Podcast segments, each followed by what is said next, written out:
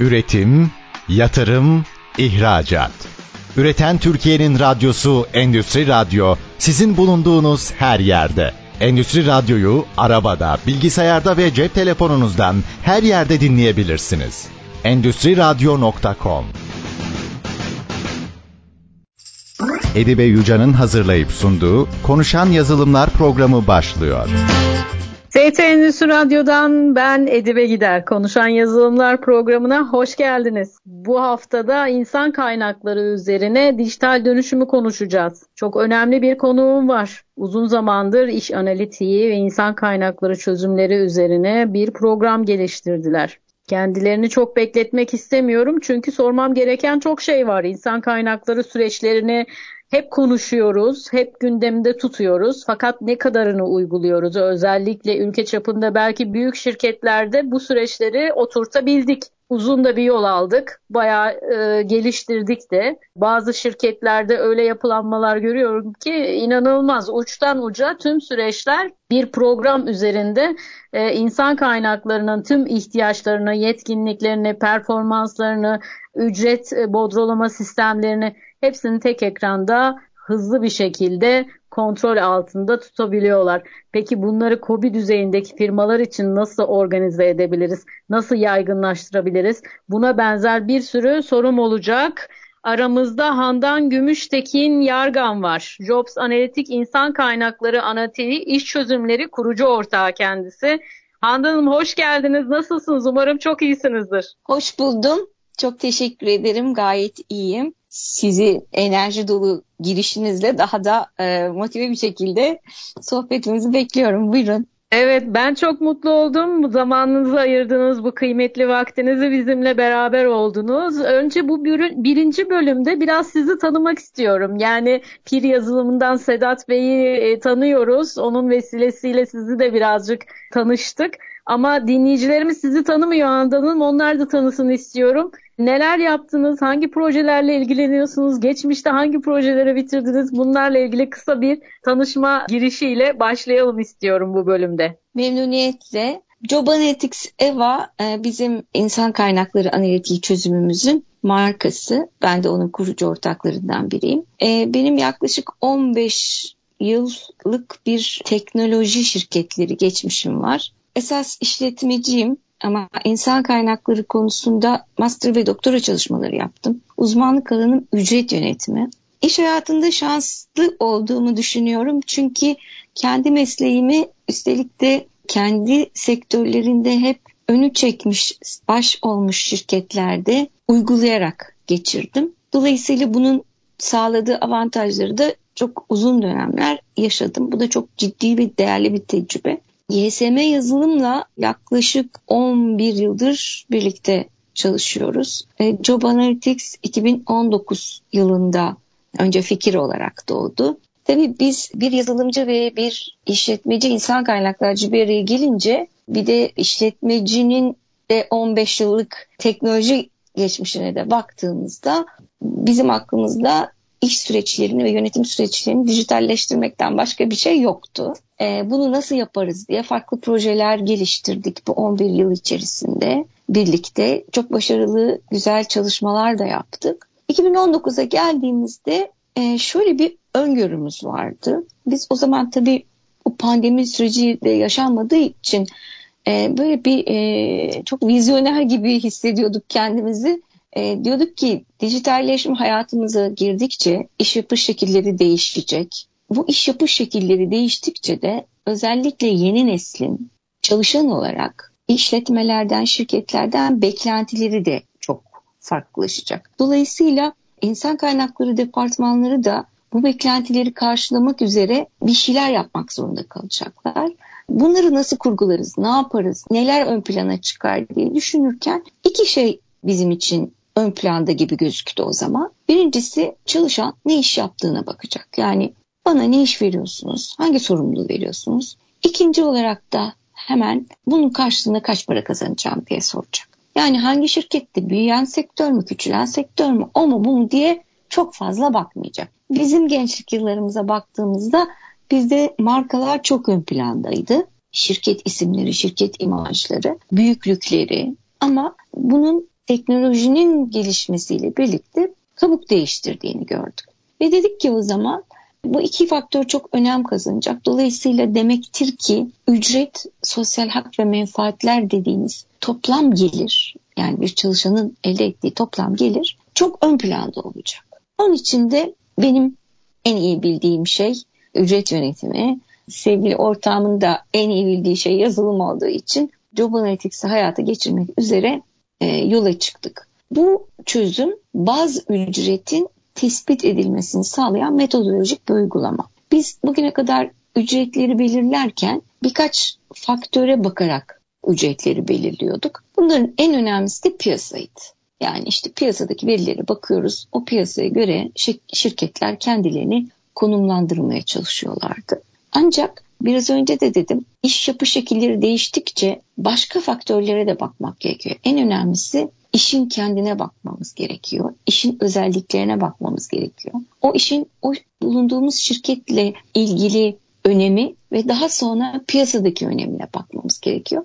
Yani artık hani big data dediğimiz büyük verilerle insan kaynakları yönetimini yapma gerekliliği doğmaya başladı. Biz de bu vizyonla yola çıktık. Tabii akabinde pandemi yaşadık. Pandemide hayat gerçekten çok hızlandı özellikle dijitalleşme açısından. Hayatımızın büyük bir kısmı artık dijital ortamlara geçti. Tabii biz bu kadar hızlı olacağını ilk başta düşünmemiştik. Bu hızlı değişim bizim gerçekten ilk başta düşündüğümüz yani işin tanımı çok önemli olacak. İkincisi de aldığı para çalışanın çok önemli olacak gibi bir düşünce modelini destekledi mi diye merak ederken iki tane gelişme oldu. Bunlardan bir tanesi LinkedIn bir çalışma gerçekleştirdi. 2022 yılında tüm iş dünyasında bir araştırma yaptılar ve dediler ki e, bu sancılı dönemin yani pandemi sonrasında bu hızlı dijitalleşme ile birlikte iş yapış şekillerinin değişmesiyle birlikte çalışanların öncelikleri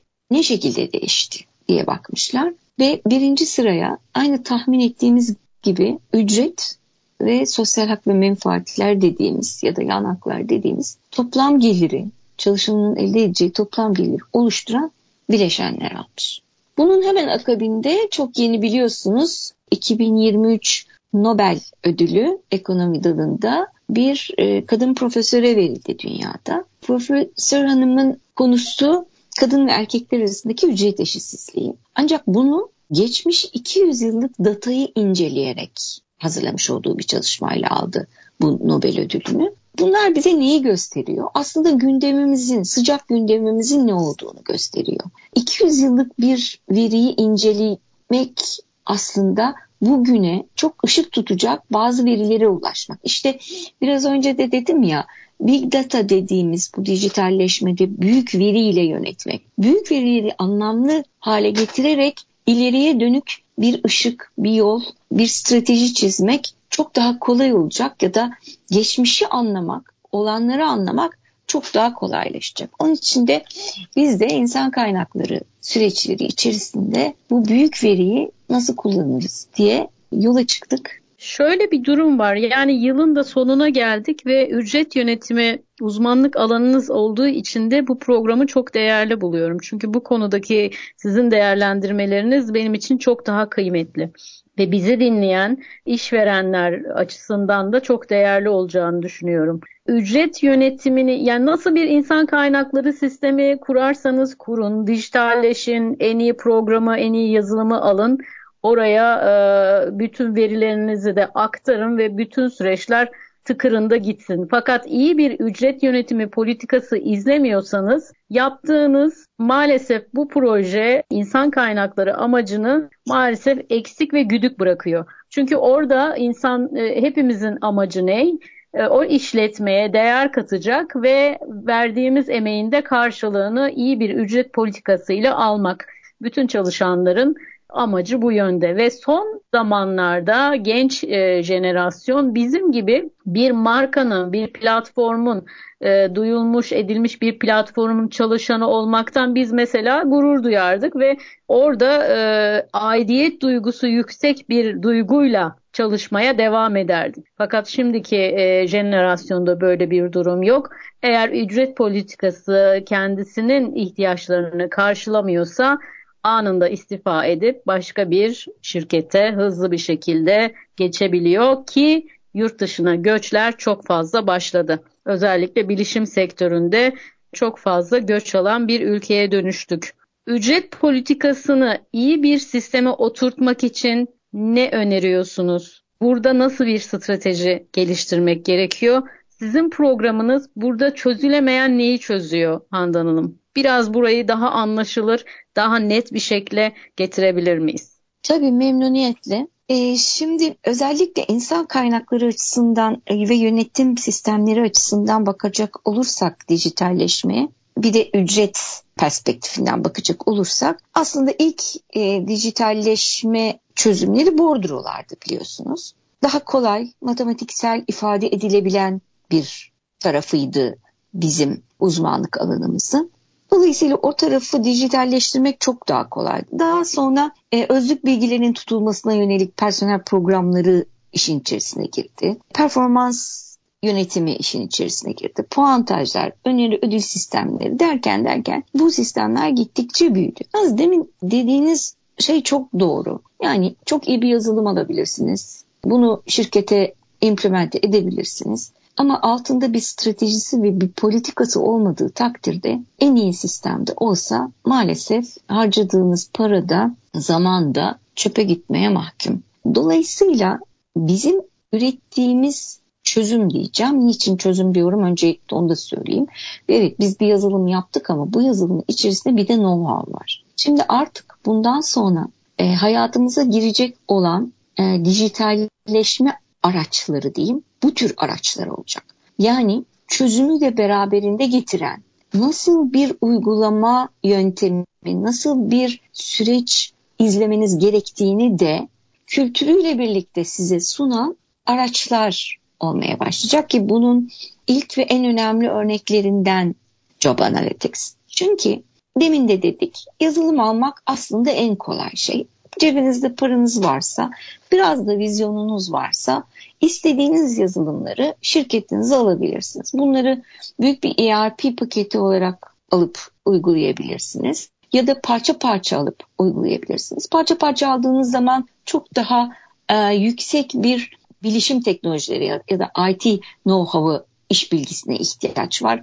Çünkü bütün sistemleri birbiriyle konuşturmanız lazım. Bu konuşturmaların yapılabilmesi için de gerçekten bu konuda çok yetkin uzmanlara ihtiyacınız oluyor. Şimdi biz sizinle de daha önce yaptığımız sohbetlerde büyük şirketlerde hayat bir, bir, bir parça daha kolay ama orta ve küçük işletmelere geldiğimiz yani kobi bazına indiğimizde burada ya da OB bazına indiğimizde burada iş birazcık daha zorlaşıyor. Gerçekten bu tür bir dijitalleşmeyi gerçekleştirecek nitelikte eleman na sahip olmak, onu şirkete çekmek. Çok özür dilerim. Kısa bir reklam arasına geçelim. Küçük işletmelerde insan kaynakları çözümünü nasıl o sisteme, ücret politikasını ve yönetimini nasıl doğru bir sisteme oturtabiliriz'i ikinci bölüm için alalım. Kısa bir reklam arasından sonra tekrar devam edelim. Ne dersiniz hocam? Tabii memnuniyetle. Aramızda Handan Gümüştekin Yargan var. Job Analytics İnsan Kaynakları e, Analitliği İş Çözümleri kurucu ortağı kendisi.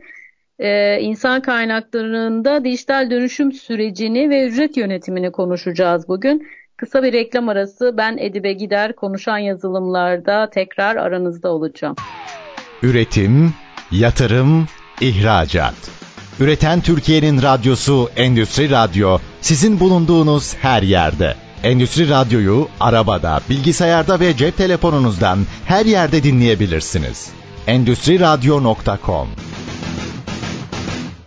ST Endüstri Radyo'dan ben Edebe Gider Konuşan Yazılımlar programının ikinci bölümündeyiz. Aramızda Handan Gümüştekin Yargan var. Job Analytics İnsan Kaynakları Analitiği ve iş çözümlerinin kurucu ortağı kendisi. Bugün ne konuşuyoruz? Biraz ücret yönetimini konuşuyoruz. Çok gündem konusu. Yıl bitiyor ve çalışanlar ücret yönetimiyle ilgili nasıl bir politika izleyecek iş dünyası çok merak ediyor. Bu tarafta asgari ücretin zam oranları da konuşulmaya başlandı.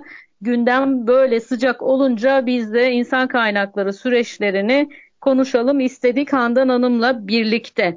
Evet birinci bölümde de bahsettiğimiz gibi büyük şirketlerde, holdinglerde insan kaynakları yönetimi iyi bir yazılım şirketiyle birlikte sürdürülen süreçlerle bir şekle geliyor ve oturtuluyor. Çok da güzel çözümlerle e, bu iş yürüyor. Ama küçük ve kobi düzeyindeki işletmelerde durum nedir ve nasıl iyi bir yapı kurulabilir? Şimdi bunu Handan Hocam anlatacak. Söz sizde hocam. Kaldığımız yerden devam edebiliriz. Birinci bölümün sonunda da bahsettiğim gibi dijital çözüm dijital çözüme sahip olmak çok zor bir şey değil. Bu hiçbir işletme için ister küçük bir işletme olsun ister büyük bir işletme cebinizde belli bir miktar paranız varsa bunlara zaten ulaşabiliyorsunuz. Ama önemli olan bunları gerçekten şirketin faydası, şirketin hedefleri doğrultusunda şirket içerisinde konumlandırabilmek, çalıştırabilmek ya da uygulayabilmek. Eğer marka bir şirketsiniz ya da büyük bir şirketseniz hayat biraz daha kolay.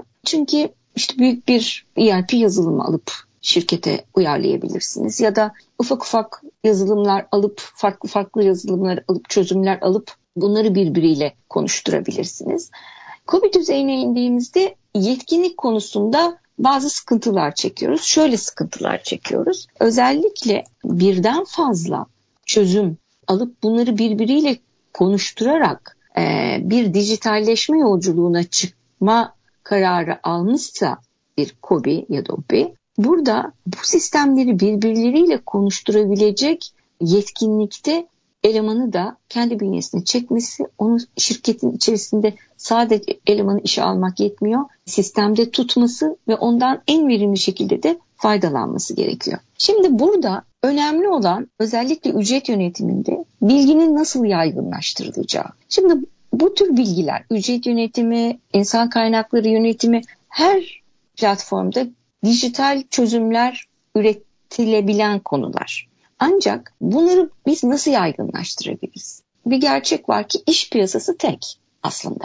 Evet şirketler ufak, büyük, orta diye ayrılabiliyor ya da uluslararası firmalar olarak ayrılabiliyor ama sonuçta insan açısından, çalışan açısından baktığınızda işini yapacağı ve bunun karşılığını alacağı bir yer. Zaten hayatta buraya gittiğimizi gösteriyor. Yani ilk başta da konuştuk ya artık markaların, şirketlerin çok büyük olmasının vesairenin önemi gittikçe kayboluyor. Yaptığımız iş ve bu yaptığımız işin karşılığında alacağımız toplam elde edeceğimiz toplam gelir çok daha ön plana çıkıyor. Şimdi Job Analytics gibi çözümler, çözüm niçin çözüm diyorum?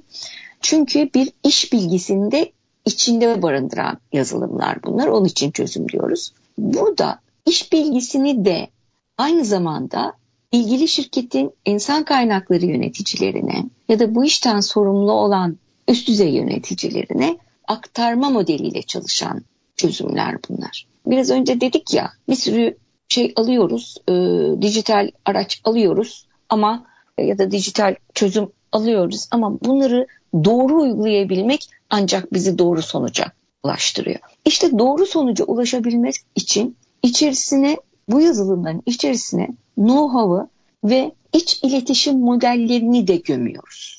Yani neyi nasıl yapmanız gerektiği, hangi yolla yapmanız gerektiği, hangi süreçleri yöneterek yapmanız gerektiğini bilgisini de şirketin içerisine aktarıyoruz. Şöyle bir durum mu var Handan Hocam? Şöyle anlatayım. Şimdi bizim gözlem benim gözlemlerimi anlatayım size kısaca. Özellikle küçük e, ve kobi düzeyindeki işletmelerde. Bodrolarımızı takip eden bir ERP yazılımımız var. Siz iç çıkış noktası bodrolar dediniz ama bazı yazılım şirketleri insan kaynakları yönetimini yapıyor ama içerisinde bodrolama sistemi yok. Şimdi bu insan kaynakları çözümü mü tartışılır. Sadece özlük dosyalarını koymak, orada izinleri takip etmek insan kaynaklarının ne kadarını çözüyor? Yani e, insan kaynakları departmanının hangi e, yarım kalam, kalmış bir problemini çözüyor?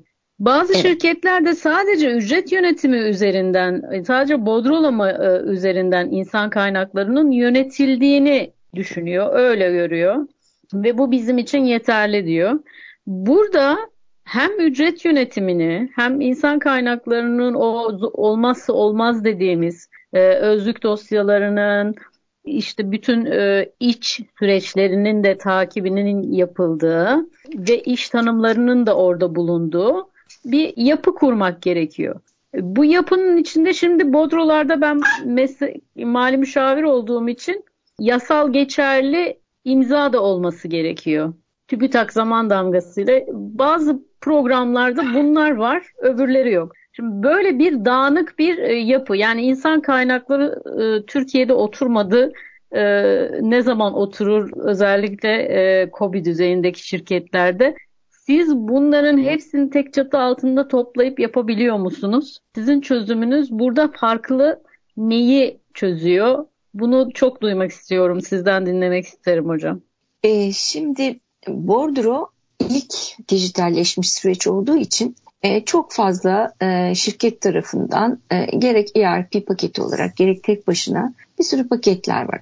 Bizim çözümlerimiz bu paketlerle entegre olarak çalışabiliyor. Şimdi bizim insan kaynakları yöneticisi ya da bir şirket üst düzey yöneticisi olarak şunu aslında iyi anlamamız gerekiyor. Elimizde birçok araç var ama bu araçların olması yetmiyor. Bu araçların birbiriyle konuşması ancak dijitalleşme. Yoksa bu araçların, bu çözümlerin, bu yazılımların sahip olmanız sizin dijitalleştiğiniz anlamına gelmiyor. Eğer dijitalleşmek istiyorsanız bütün bu yazılımları, bütün bu çözümleri birbiriyle bilgi alıp verebilir hale.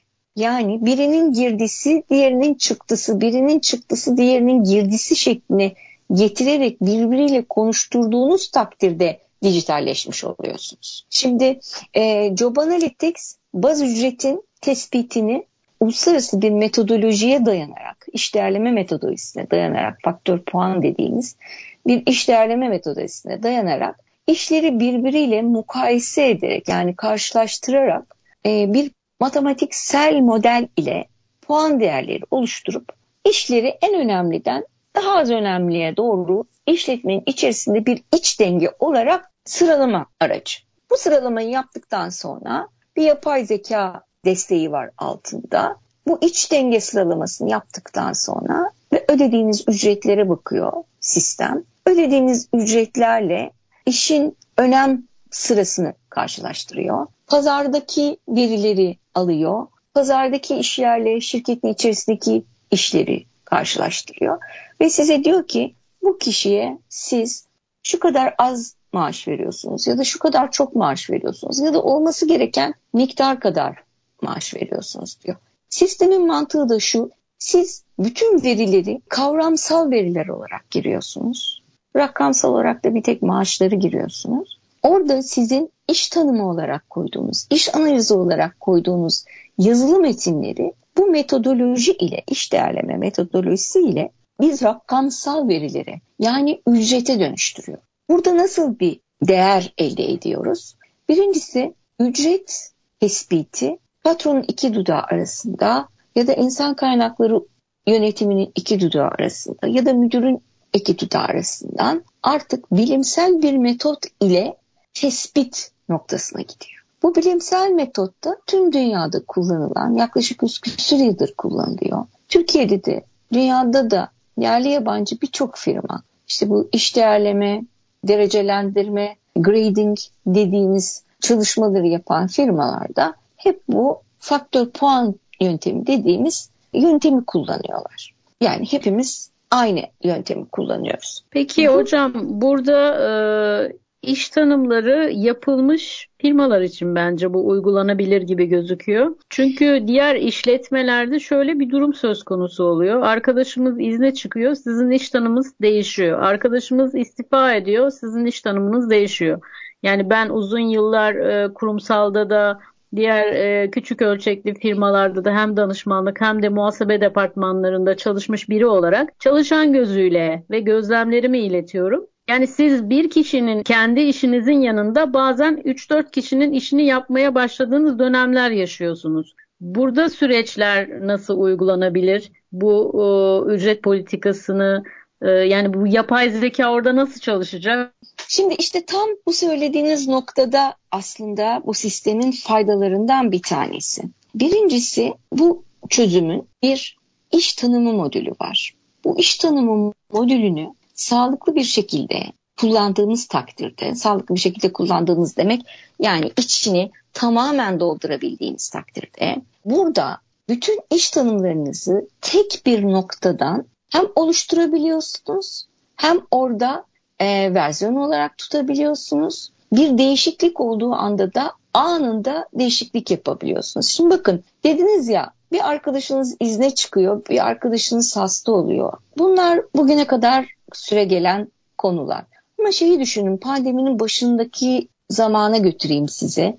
Kuryeleri düşünün. Kurye pozisyonunun bir gecede bütün iş değeri değişti. Tüm dünyada değişti. Yani iş riskleri Allah korusun trafikte başlarına gelebilecek bir kaza olarak hani en yüksek iş riskleri o olarak düşündüğümüz pozisyon bir anda evde bir sürü hasta insanla temas etmek zorunda kalan biri haline geldi. Ve o dönemde bilmem hatırlar mısınız bu pozisyondaki işi bırakan çok insan oldu. Çünkü şirketler çok hızlı bir şekilde buna cevap veremediler. Risk çok büyüdü ama maaşlar büyümedi. Koşullar değişemedi. İşte bundan sonra hayatımızda bu tür değişiklikler çok sık olacak. Bu sadece hastalık demek istemiyorum yanlış anlaşılmayayım. İş hayatı, işler de bu hızla değişecek. İşlerin özellikleri de bu hızda değişecek. Ve bazı işler çok yüklendiği için parçalara bölünecek. Şu anda da yaşıyoruz bunu. Ya da bazıları çok sorumlulukları az olduğu için bir araya getirilip tek bir iş haline gelecek. Bütün bunları yönetmemiz ve çok hızlı yönetmemiz gerekecek. Çok hızlı cevap vermemiz gerekecek. Çünkü çalışan artık eskisi gibi bir sene beklemeyecek. Yeni nesil çok değişik geliyor. Bu 2013'ten sonra bu alfa nesli geliyor. Onları hiç düşünemiyorum. Nasıl geleceklerini. Bunlar için çok böyle vaktimiz olmayacak. İşte biz önümüzdeki zam dönemi sizin maaşınızı arttırırız falan gibi uygulamalar değil. Anında reaksiyon vermemiz gerekecek. Anında değişen iş yükünü değerleyip ona göre ücretini hatta sosyal hak ve menfaatlerini de değiştirmemiz gerekecek. Şimdi bugüne kadar biz sosyal hak ve menfaatlerde hep işte yemek, yol parası gibi sağlık sigortası gibi çok temel şeyler düşünüyorduk. Şimdi artık esnek modellere geçmek zorundayız ki birçok firma buna zaten geçti. Daha da esneyecek, daha da farklılaşacak sistemler. Onun için bizim önümüzdeki 3 yıl için şöyle bir öngörümüz var. Özellikle birlikte çalıştığımız e, şirketlerdeki insan kaynakları profesyonellerinin çok iyi bir de ücret uzmanı olması gerekiyor. Mesela bunun için bir akademi kurduk. Akademide bir sertifikasyon eğitimi yapıyoruz. Ve ücret yönetiminin özellikle işte dijital bir ortamda bu tür araçlarla bir iş değerleme metodolojisiyle nasıl yönetileceğini, nasıl yapılması gerektiğini öğretiyoruz bu bilgiyi aktarıyoruz. Çünkü bundan sonra gelecek olan dijital değişim ya da dijital gelişim araçları baz olarak hep bu sistemi baz alacaklar. Yani ücret ve diğer sosyal hak ve menfaatlerin temelinde şekillenecek olan çalışmalar olacak. İnsan kaynaklarını bir zincirden oluşmuş, halkalardan oluşmuş bir zincir olarak düşünün. Ben ücret e, başlangıç diyorum. Aynı zamanda ücret bitişte. Çünkü her şey birbirine bağlı. İşletmedeki bütün fonksiyonlar da birbirine bağlı. İşte dijitalleşmede başarı kazanacak olan ister KOBİ olsun, ister OBİ olsun, isterse büyük şirketler olsun bu dijitalleşmeyi gerçek anlamda yani bütün sistemlerin birbiriyle konuşabilir, bilgi alıp verebilir e, düzeyde birbiriyle konuşturduğu takdirde başarılı sonuçlar elde edecekler. Tekrar bir reklam arası için uyarı geldi. Üçüncü bölümde ücret yönetimi konusuna birazcık daha şey isteyeceğim sizde yorum yapmanızı isteyeceğim ve güncel ücret yönetimleriyle ilgili de deneyimleriniz varsa paylaşmanızı rica edeceğim. Çünkü gerçekten de ücret yönetimi iyi bir şekilde yönetilmediğinde ekiplerin e, toplu istifa ile büyük istifalar, sessiz istifaları konuşuyoruz. Yaklaşık iki yıldır da çok yoğunlaştı, büyük bir ivme kazandı. Bunlar ücret yönetiminin iyi olmamasından e, kaynaklanan ve birazcık da psikolojik sebepler de var tabii ki. Onları da ele alacağımız bir bölüm için izin rica ediyorum. Ardından tekrar ücret yönetimiyle devam edelim istiyorum. Evet aramızda Job Analitik İnsan Kaynakları Analitili İş Çözümleri kurucu ortağı Handan Gümüştekin Yargan var. İnsan kaynakları süreçlerinin dijitalleşmesini konuşuyoruz ve ücret politikalarını 3. bölümde ele alacağız. Yıl sonu geldi e, ve maaşlara zam bekleniyor. Bakalım sizin stratejiniz nasıl olacak? Handan Hocam bize ne önerecek? Yıl sonu yaklaştıkça yeni yıl zam oranlarıyla ilgili gündem bu kadar yoğunken biz neler yapmalıyız? Kısa bir reklam arası ben Edibe Gider Konuşan Yazınlar programı 3. bölümde ücret yönetimiyle devam edecek. Üretim, yatırım, ihracat. Üreten Türkiye'nin radyosu Endüstri Radyo sizin bulunduğunuz her yerde. Endüstri Radyo'yu arabada, bilgisayarda ve cep telefonunuzdan her yerde dinleyebilirsiniz. Endüstri Radyo.com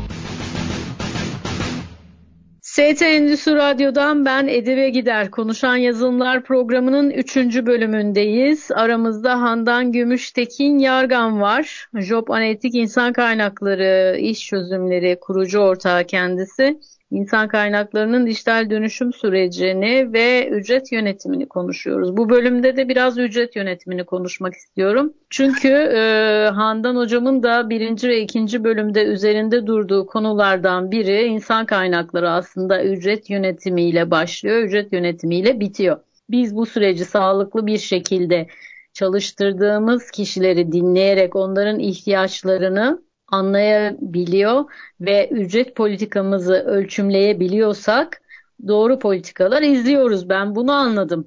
Bu program geliştirdikleri çözümde iş tanımlarını, yaptığı işi e, analiz ederek ve programları birbiriyle konuşturarak oradaki performansını değerlendirerek piyasadaki ücret politikalarını da analiz ederek size en doğru ücret yönetimi politikası sunuyor. Doğru anlamış mıyım hocam? Buradan siz devam edin. Örneklerle e, şey yapalım. Ücret yönetimi konusunda neler öneriyorsunuz? Sizi çok e, dinlemek isterim bu bölümde. Şimdi siz de biraz önce belirttiniz sessiz istifalar, teknolojik pozisyonlardaki beyin göçü, bir de nitelikli işlerdeki beyin göçü bugün bir kaynakta rastladım.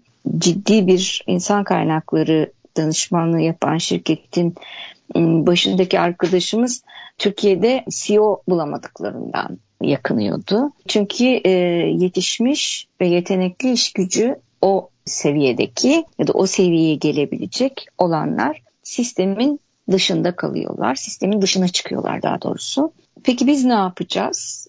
Biz bazı tedbirler alacağız. Bu tedbirleri çok kolaylıkla alabiliriz. Elimizde bunların araçları var. Önemli olan farkındalık. Buradaki farkındalık ne olacak? Yani nasıl bir ücret yönetimi yapmamız gerekir ki biz bu sıkıntıları aşacak, iş piyasasını rahatlatacak bir çözüm bulalım. Şimdi ücret zamlarından bahsediyoruz. İşte enflasyonist ortamdan bahsediyoruz. Enflasyon hızlandı diyoruz. O hıza göre ücret artışları yapmaya çalışıyoruz. Ama bir gerçek var ki eğer sizin şirket içerisindeki işlerinizde şirket içi ücret dengeniz doğru değil ise, dengesiz ise, adil değil ise ne kadar zam yaparsanız yapın hiç kimseyi mutlu edemeyeceğiz. Çünkü insanlar kendilerini bir başkasıyla mukayese ederler. En basitinden nasıl mukayese ederler? Biz hep şey deriz gizli bilgidir, ücret bilgisi çalışanlara birbirlerinizle söylemeyin deriz ama söylerler.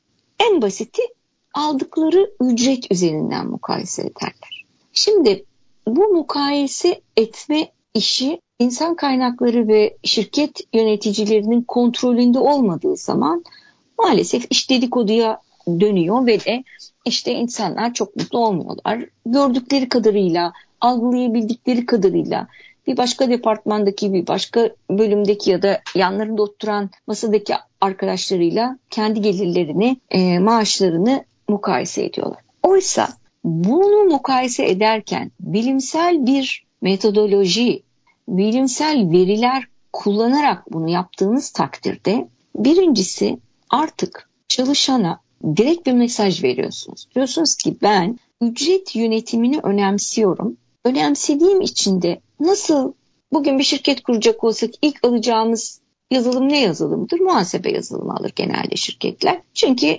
e, şirketi kuran kişi ister ki kaç para kazanıyorum, cebimden kaç para çıkıyor, bunun ne kadarını devlete vereceğim. E bir de defter tutma mecburiyetimiz var. İşte defteri de tutsun diye muhasebe programı alırız değil mi? Ama bir gerçek var. Her ay cebimizden çıkan çok ciddi bir ücret bütçemiz var. Her şirket için önemli miktarda bir para bu. Her şirketin büyüklüğüne göre. Kendi için önemli bir para. Şimdi biz bu ücret bütçesinin gerçekten şirketin hedeflerini, koymuş olduğu hedefleri, stratejik planı gerçekleştirecek şekilde şirket içerisinde adil ve dengeli olarak dağıttığımızı düşünüyor muyuz? Ben bu soruyu hemen hemen karşılaştığım her insan kaynakları yöneticisine ya da üst düzey yöneticisine soruyorum. Şimdiye kadar evet dağıtıyorum diyene çok rastlamadım açık söylemek gerekirse. Dağıtmaya çalışıyoruz. Ama bunu bir metodoloji ile yapmıyoruz. Olsa olsa ile yapıyoruz. Pazara bakıp karar veriyoruz. Bizim sektörümüzdeki başka şirketlere bakıp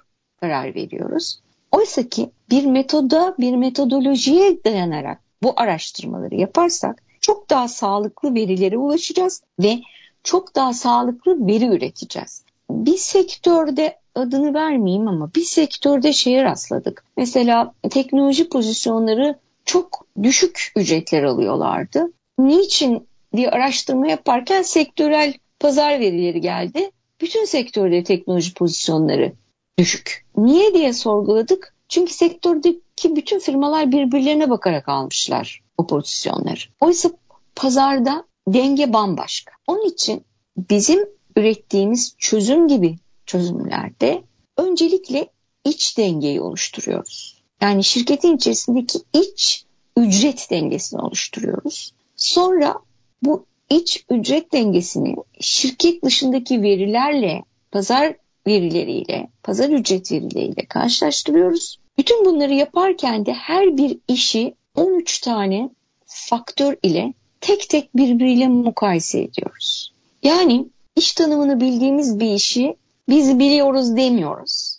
Bir o met, bir metodoloji uygulayarak o metodolojiden çıkan sonuçları değerlendirerek ücrete yansıtıyoruz. Bütün bunlar neyi getiriyor? Birincisi açık ve şeffaf bir ücret yönetimi modeliniz olduğunu çok kolaylıkla deklare edebilirsiniz. Bu tür sistemler çünkü katılımcı sistemler. Yani bu tür çözümleri İK kullanmıyor. Bütün şirketteki insan kaynakları yöneticilerinin proje müdürü olduğu bütün şirketteki yöneticiler hatta hatta sistem o kadar esnek ki bazen e, bu sistemleri çalışanın kendine dahi açabileceğiniz altyapılarda, teknolojik altyapılarda sunuluyor. Yani bir kişiyi bir bilgisayarın başına geçirip bak bakalım senin işin şu 13 faktöre göre hangisine daha uyuyor diye kavramsal olarak ona işini değerletme imkanımız var. Katılımcılık dediğim nokta bu. Yani çalışana kadar inebilirsiniz. Hadi diyelim ki işletme e, politikanız dolayısıyla inmediniz ama şirket yöneticileri, müdürler, şefler bu çalışmanın içerisinde fiilen katılımcı, karar alıcı oluyorlar. Bu tür durumlarda ise ortaya çıkan sonuç ne insan kaynaklarının tespit ettiği maaş oluyor ne patronun tespit ettiği maaş oluyor. Aslında çalışanların, yöneticilerin, şeflerin, müdürlerin hepsinin mutabık kaldığı bir iş tanımının karşılığında alınacak ücret oluyor. Bu katılımcı modellerde işletmede güveni, güvenle beraber motivasyonu, motivasyonla birlikte verimliliği, verimlilik e, sonucunu elde etmemizi sağlıyor. Dolayısıyla bu tür çözümlerle aslında gerçek anlamda insan kaynakları yönetimi yapmaya başlıyoruz. Siz dediğiniz gibi biraz önce bordro yapıp insan kaynakları yönetimi yapıyoruz zannediyoruz.